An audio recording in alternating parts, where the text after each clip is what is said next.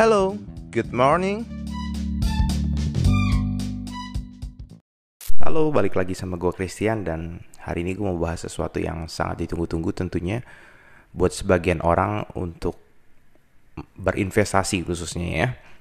Untuk judulnya ada hari ini adalah bicara tentang reksadana.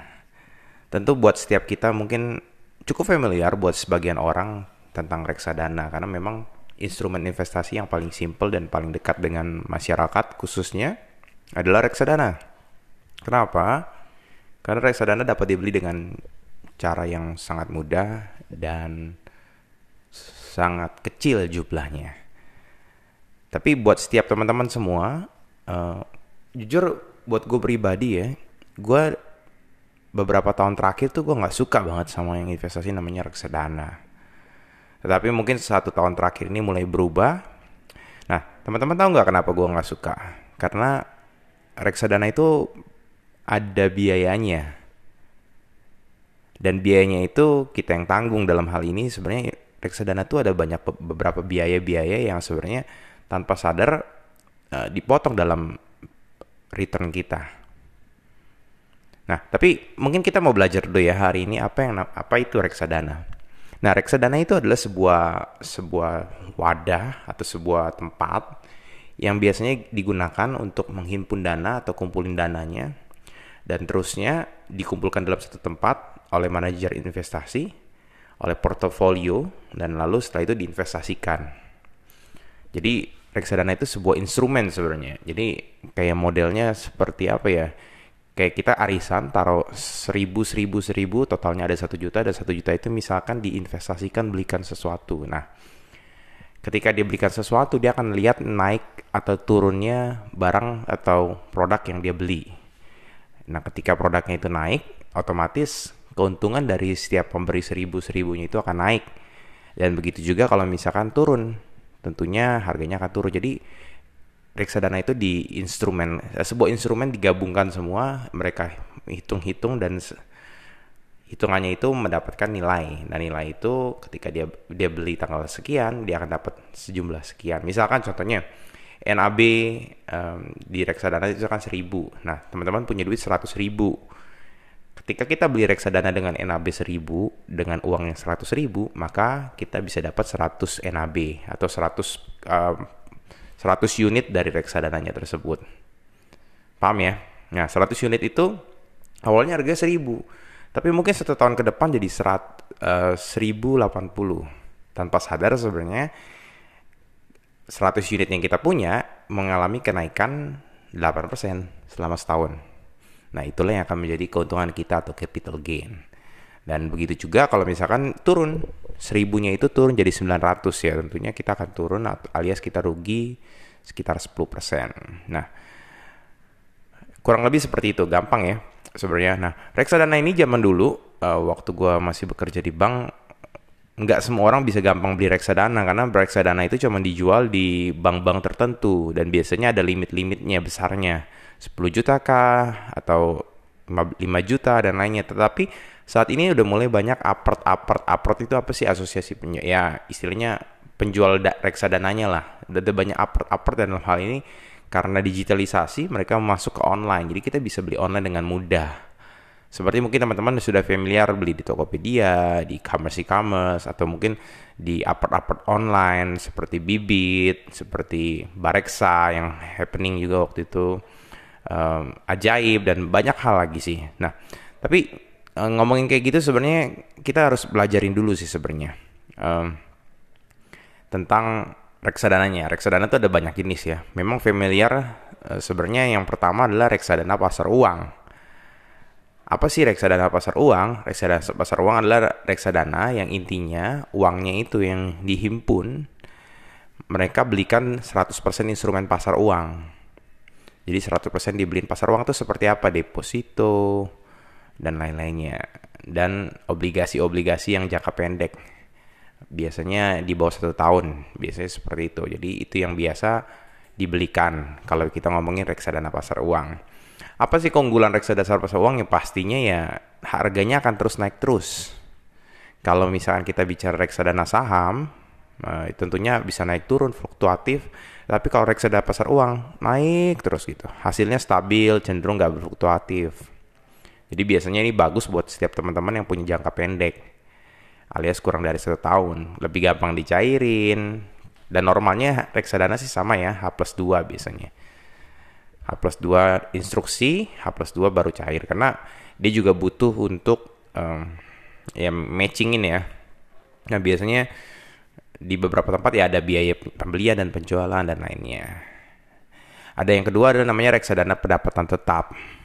Ini yang familiar banget ya pendapatan tetap adalah reksadana di mana alokasi 80% dari dana tersebut dibelikan instrumen obligasi atau surat utang. Atau mungkin yang lebih familiar kalau reksadana pendapatan tetap ya sun negara, surat utang negara atau obligasi retail negara. Saat ini obligasi retail negara itu di angka 6,14 kalau nggak salah. Nanti tolong dikoreksi 6,14 dan ada kena pajak 15% untuk kuponnya. Nah, reksadana keunggulannya apa ya? Tentu sama, biasanya cenderung stabil naik terus. Karena kenapa? Karena kan itu karena surat utang ada orang yang bayar. Tapi resikonya apa ya? Resikonya adalah kalau dia gagal bayar perusahaan. Jadi oleh karena itu kita harus cek di fund fact sheet-nya kita. Ada juga yang namanya reksadana campuran. Reksadana campuran ya digabung tuh, boleh beli apa aja. Bisa pasar uang, obligasi, bisa saham dan biasanya al alokasi dana maksimal 79% untuk masing-masing. Jadi bisa pasar uangnya 79%, obligasinya 79%, atau sahamnya juga 79%. Jadi memang moderat. Ada juga yang lebih familiar ya reksadana saham. Alokasi dana minimumnya itu 80% dari instrumen saham. Jadi 80% itu bisa dibeliin saham-saham yang tentunya ya menurut manajer investasi akan perform gitu. Tetapi buat sebagian kita, buat saat ini yang kita punya yang kita saat ini masih punya reksadana saham tentunya hasilnya lagi minus. Kenapa? Karena IHSG lagi minus karena ada pandemi Covid ini. Ada satu lagi sebenarnya yang jarang dibahas juga reksadana indeks. Alokasi dana minimumnya 80% dan biasanya yang familiar reksadana indeks adalah reksadana uh, Seri Kesah Kahati, IDX 30 dan lain-lainnya, LQ45 dan lain-lainnya. Jadi biasanya dibeliin saham-saham yang ya 45 saham, 30 saham dan lain-lainnya. Jadi terbuka sebenarnya. Biasanya mengikuti harga pasar. Nah, baik lagi kalau misalkan kita ngomong kayak gini, yang mana sih yang harus kita beli? Tentunya balik lagi ke setiap kita. Profil resiko kita itu seperti apa sebenarnya?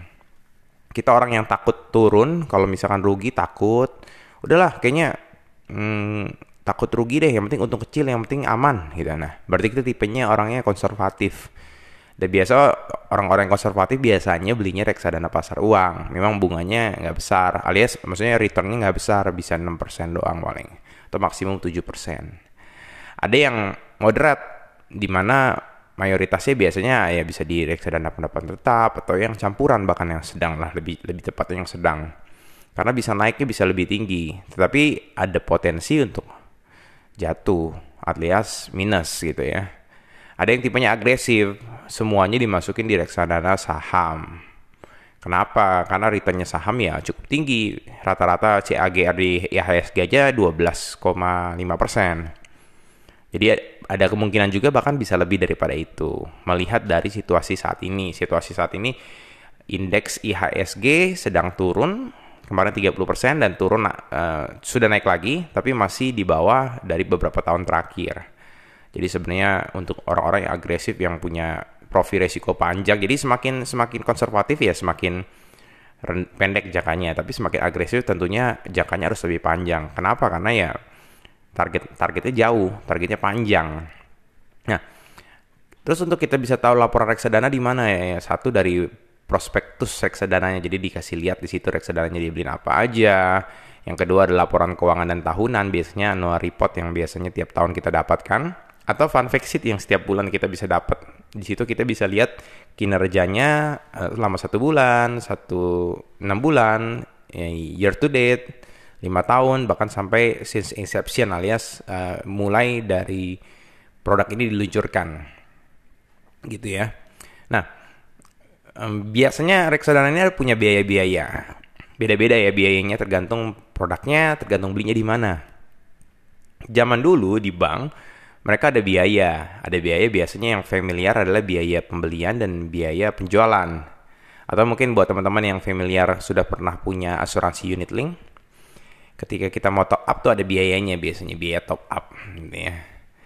Jadi ada biayanya biasanya ada biaya pembelian dan penjualan gitu. Subscription dan apa tuh lupa lah.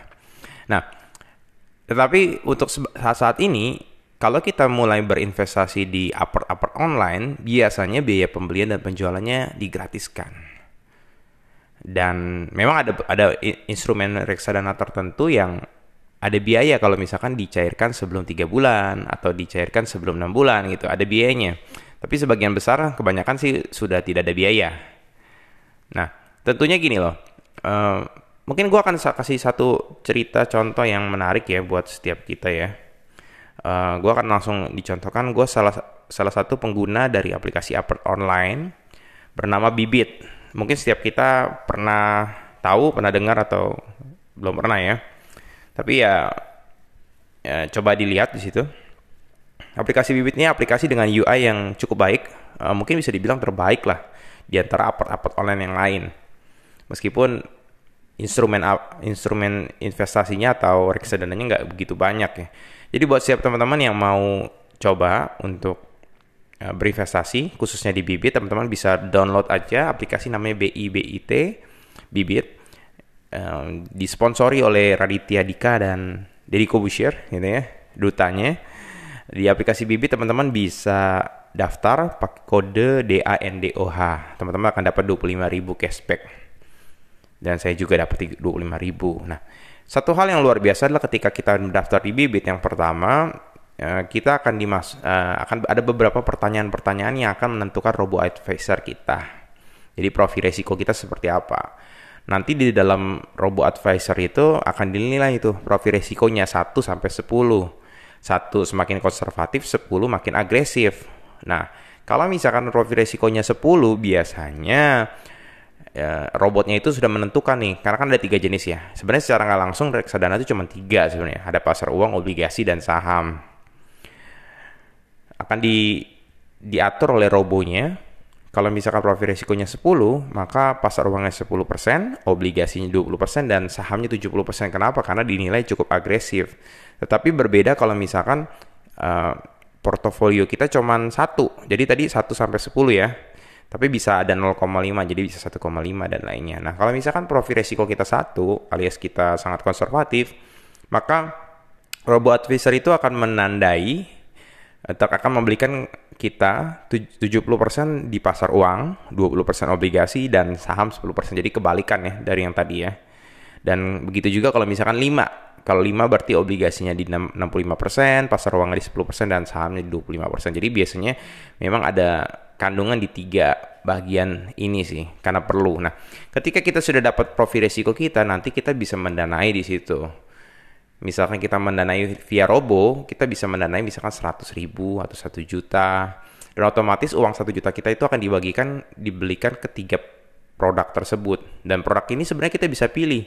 Jadi pasar uang ini kita mau pilih yang mana? Kita bisa lihat nih ada pilih misalkan contohnya Score Invest Money Market Batavia Dana Kas Maksima, BNP Paribas Rupiah Plus, Manulife dan lainnya kita bisa pilih.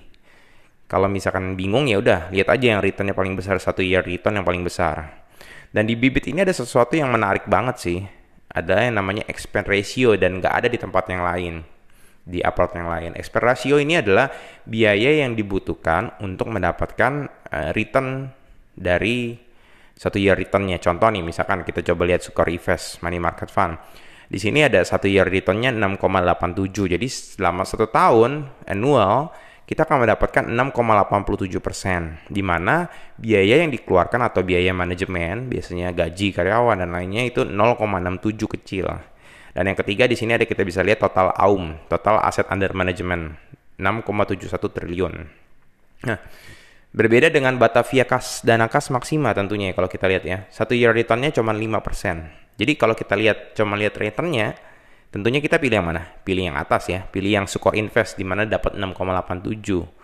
Yang kedua adalah expense ratio-nya. Expense ratio-nya Batavia 1,46, sedangkan expense ratio-nya uh, Sukor Invest 0,67. Jadi secara nggak langsung sebenarnya ketika kita lihat dua ini, ya tentunya lebih perform Sukor Invest. Satu bunganya lebih besar, yang kedua expense ratio-nya makin kecil. Semakin kecil expense ratio, semakin mudah juga si perusahaan tersebut untuk menghasilkan return yang lebih baik. Contoh, contoh nih ya, misalkan tadi Sukor Invest 6,87 satu year return dan expense ratio 0,67 tapi sebenarnya sekarang nggak langsung kalau kita mau lihat performing dari si Sukor Invest Money Market Fund ya kita jumlahin aja. Jadi buat dapat uh, plus 0% plus 1% dia butuh 1,67 karena ada expense ratio yang dibutuhkan. Jadi sebenarnya kita tinggal jumlahin tuh. Dan yang selanjutnya yang mesti dilihat sebenarnya total aumnya. Semakin besar total aumnya semakin bagus karena banyak orang yang percaya dan berinvestasi di situ. Jadi kita bisa pilih, kita bisa discover more sesuai dengan kebutuhan kita. Nah, yang harus diperhatikan juga salah satunya adalah kita bisa lihat klik detail di situ. Di klik detail nanti kita akan bisa lihat ada bentuk grafik di situ. Um, ada satu hari, satu bulan, tiga bulan, year to date, satu tahun, tiga tahun, lima tahun, sepuluh tahun, dan all. Kurang lebih seperti itu ya. Nah, di situ kita bisa lihat bahwa ada CAGR tiga tahun, kira-kira selama setahun itu berapa, ada expense ratio, ada total AUM, jenis produk, uh, produknya dalam hal ini pasar uang ya. Ada tingkat resikonya dan ada minimal pembeliannya berapa, ada biaya pembelian penjualan berapa, dan yang selanjutnya adalah bank kustodian dan bank penampung. Bank kustodian itu apa? Bank kustodian adalah bank yang mendapatkan persetujuan OJK untuk menyimpan dana investasi untuk dapat dividen dan mewakili kita menjadi nasabahnya. Jadi uang yang kita investasi ini tidak dimasukkan dalam bibit, tetapi dimasukkan di bank kustodian. Yang kedua ada namanya bank penampung. Bank penampung adalah bank yang digunakan oleh bank kustodian untuk mengirimkan dana hasil penjualannya ke rekening kamu. Kamu akan dikenakan biaya transfer kalau pi oleh pihak bank, bukan oleh bibit, jika rekening bank kamu berbeda dengan bank penampung. Jadi sebenarnya kita juga mesti aware juga bahwa kita harus pilih bank penampungnya seperti bank yang kita punya. Karena kalau misalkan bank penampungnya BCA dan bank kita adalah CMB, kita akan kena biaya ketika kita mau menariknya. Kena 3.500. Dan di bibit ini luar biasanya adalah kita nggak cuma bisa beli sekali, tapi kita bisa beli rutin tiap bulan. Bahkan kita bisa dikasih simulasi uh, berapa nilai yang bakal kita dapetin kalau misalkan kita nabung rutin selama uh, sebulan, uh, nabung rutin per bulan selama satu tahun, tiga tahun, lima tahun, dan di sini kita juga bisa lihat alokasi asetnya apa. Kayak tadi contoh misalkan Sukor Invest Money Market Fund. Di sini alokasi asetnya dimasukkan di 45% dimasukkan ke deposito dan setara kas. Dan 54% dimasukkan ke obligasi yang jangka waktunya di bawah satu tahun seperti yang tadi dibilang. Nah, top holdingnya apa? Dana dana yang paling banyak, maksudnya di, biasanya di fund fact sheet atau di ya, pemberitahuan lah ya kita sebutnya kita akan diberitahukan 5 instrumen yang dipegang paling banyak. Nah, di skor invest money market fund yang pertama adalah obligasi indah Kiat Pop and Paper INKP kalau dalam sahamnya. Obligasi Exim Bank, obligasi pemerintah Republik Indonesia dan uh, de deposito Bank A, BRI Agro dan BPD Jambi.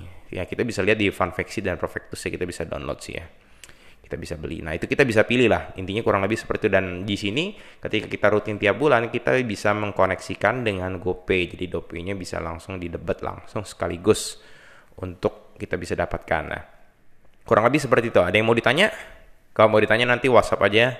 Eh, WhatsApp. Teman-teman boleh email ke christiandando@gmail.com. Nah, selanjutnya kalau obligasi tentunya teman-teman bisa pilih juga tuh sama. Ada one year return dan expense ratio dan total AUM-nya berapa. Contoh Manulife obligasi unggulan kelas A, returnnya 3,96 selama satu tahun. Dan ada namanya expense ratio-nya.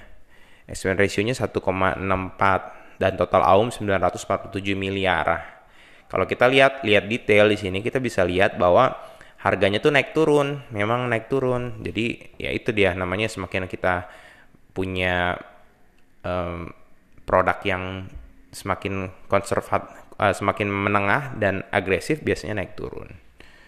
Kita bisa pilih mau obligasi-obligasi perusahaan atau obligasi negara, itu juga bisa kita pilih. Dan selanjutnya indeks 30 BNI indeks 30 nih misalnya kita reksadana saham di sini one year returnnya min 1, min 19 persen Uh, Sukor Invest Equity Fund minus 10%, Batavia minus 18%. Nah, seperti yang tadi gue bilang ya. Jadi saham saat ini lagi memang drop cukup jauh dan di sini kita bisa lihat portofolio kita kita bisa masukin nih.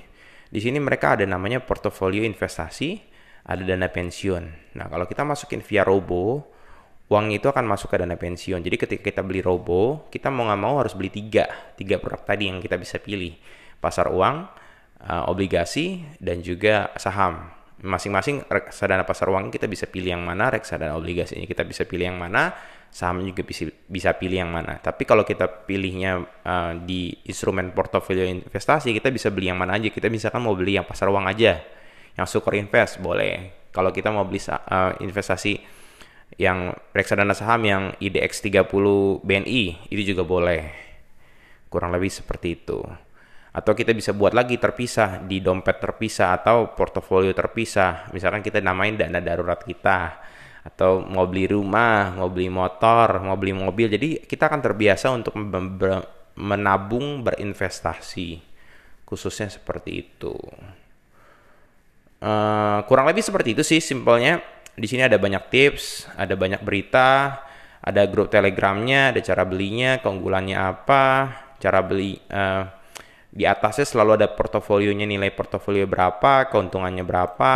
Contoh nih misalkan keuntungan saya saat ini masih minus 174.000 dengan imbal hasil minus 1,82. Kenapa? Karena gue beliin IDX 30 BNI dan gue belinya pas tinggi lagi jadi jadi saat in, eh, kemarin di September hancur harganya ya hancur juga lah investasi gue gitu kurang lebih seperti itu dan kita bisa tarik ini biasa kita tarik itu biasanya kira-kira misalkan saya mau tarik di hari ini nih ya. Biasanya kalau misalkan reksadana yang obligasi itu akan H plus 3 akan cair. H plus 3 itu hari kerja ya. Tapi kalau misalkan reksadana yang lain bisa H plus 3 sampai H plus 7 untuk bisa cair sampai ke rekening kita.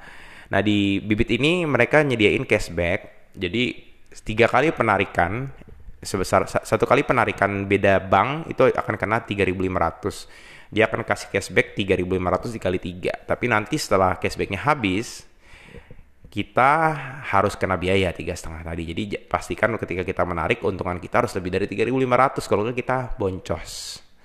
Dan cashback ini masuk ke ke portofolio yang hanya bisa dibeli di Robo ya. Jadi ketika misalkan cashbacknya totalnya ada satu juta nanti nih, nah, kita mau beli sesuatu kita harus beli yang Robo karena tidak bisa beli yang hanya satu-satu aja. Uh, kurang lebih seperti itu yang teman-teman bisa pelajari sebenarnya. Jadi sebenarnya kalau ngomongin reksadana sendiri ya menarik sih reksadana ini instrumen yang cukup berfluktuasi kalau memang kita beli yang agresif. Tapi nggak berfluktuasi kalau kita nggak beli yang agresif kita beli yang konservatif. Jadi ini kita bisa memilih. Tapi memang paling simpelnya adalah ketika kita beli reksadana kita mampu belajar untuk berinvestasi karena ya instrumen-instrumen yang lain cukup beresiko. Kita ngomong beli saham, rekening saham. Nah kalau kita nggak paham tentang saham sendiri ya akan kesulitan. Kita beli deposito ya tentunya menarik juga sih deposito. Cuman kan um, deposito tuh ada tenornya satu bulan dan lainnya. Tapi sedangkan kalau reksadana ini bisa beli kapan aja, tarik juga kapan aja. Tapi tergantung juga instrumennya ya. Harus kita lihat portofolionya. Karena ada Contoh misalkan ada reksadana obligasi namanya dana mas stabil yang naik terus. Nggak ada fluktuasi harga. Kenapa? Karena belinya cuman uh, karena di, bisa diatur lah. Jadi memang ada ada tekniknya sendiri sih. Nah, itu jika penarikan di bawah 3 bulan, maka akan ada biaya 0,5%. Jadi itu yang harus kita perhatikan. Kurang lebih seperti itu mungkin yang bisa saya sampaikan, yang bisa gue sampaikan.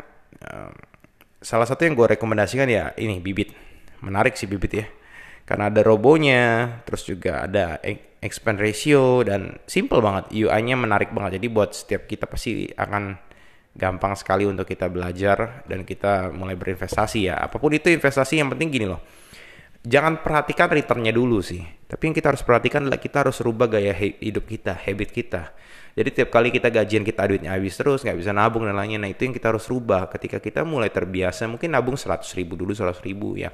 Dalam jangka beberapa tahun waktunya, maka kita akan terbiasa dan tanpa sadar sebenarnya keuangan kita akan jadi lebih baik. Nah, itu yang mesti kita perhatikan banget. Karena kalau misalnya kita nggak perhatikan, ya kita akan banyak mengalami kerugian. Karena tentunya ya investasi itu adalah menunda kesenangan saat ini untuk mendapatkan kesenangan yang lebih di masa depan. Demikian itulah yang bisa gue sampaikan.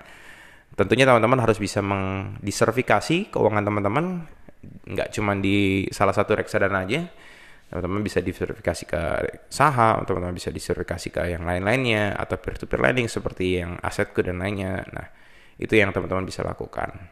Oke, jangan lupa kalau mau daftar bibit, masukin kode DANDOH. Teman-teman akan dapat 25.000 cashback. Lumayan kan? Sekian dari saya dan God bless you. See you. Bye.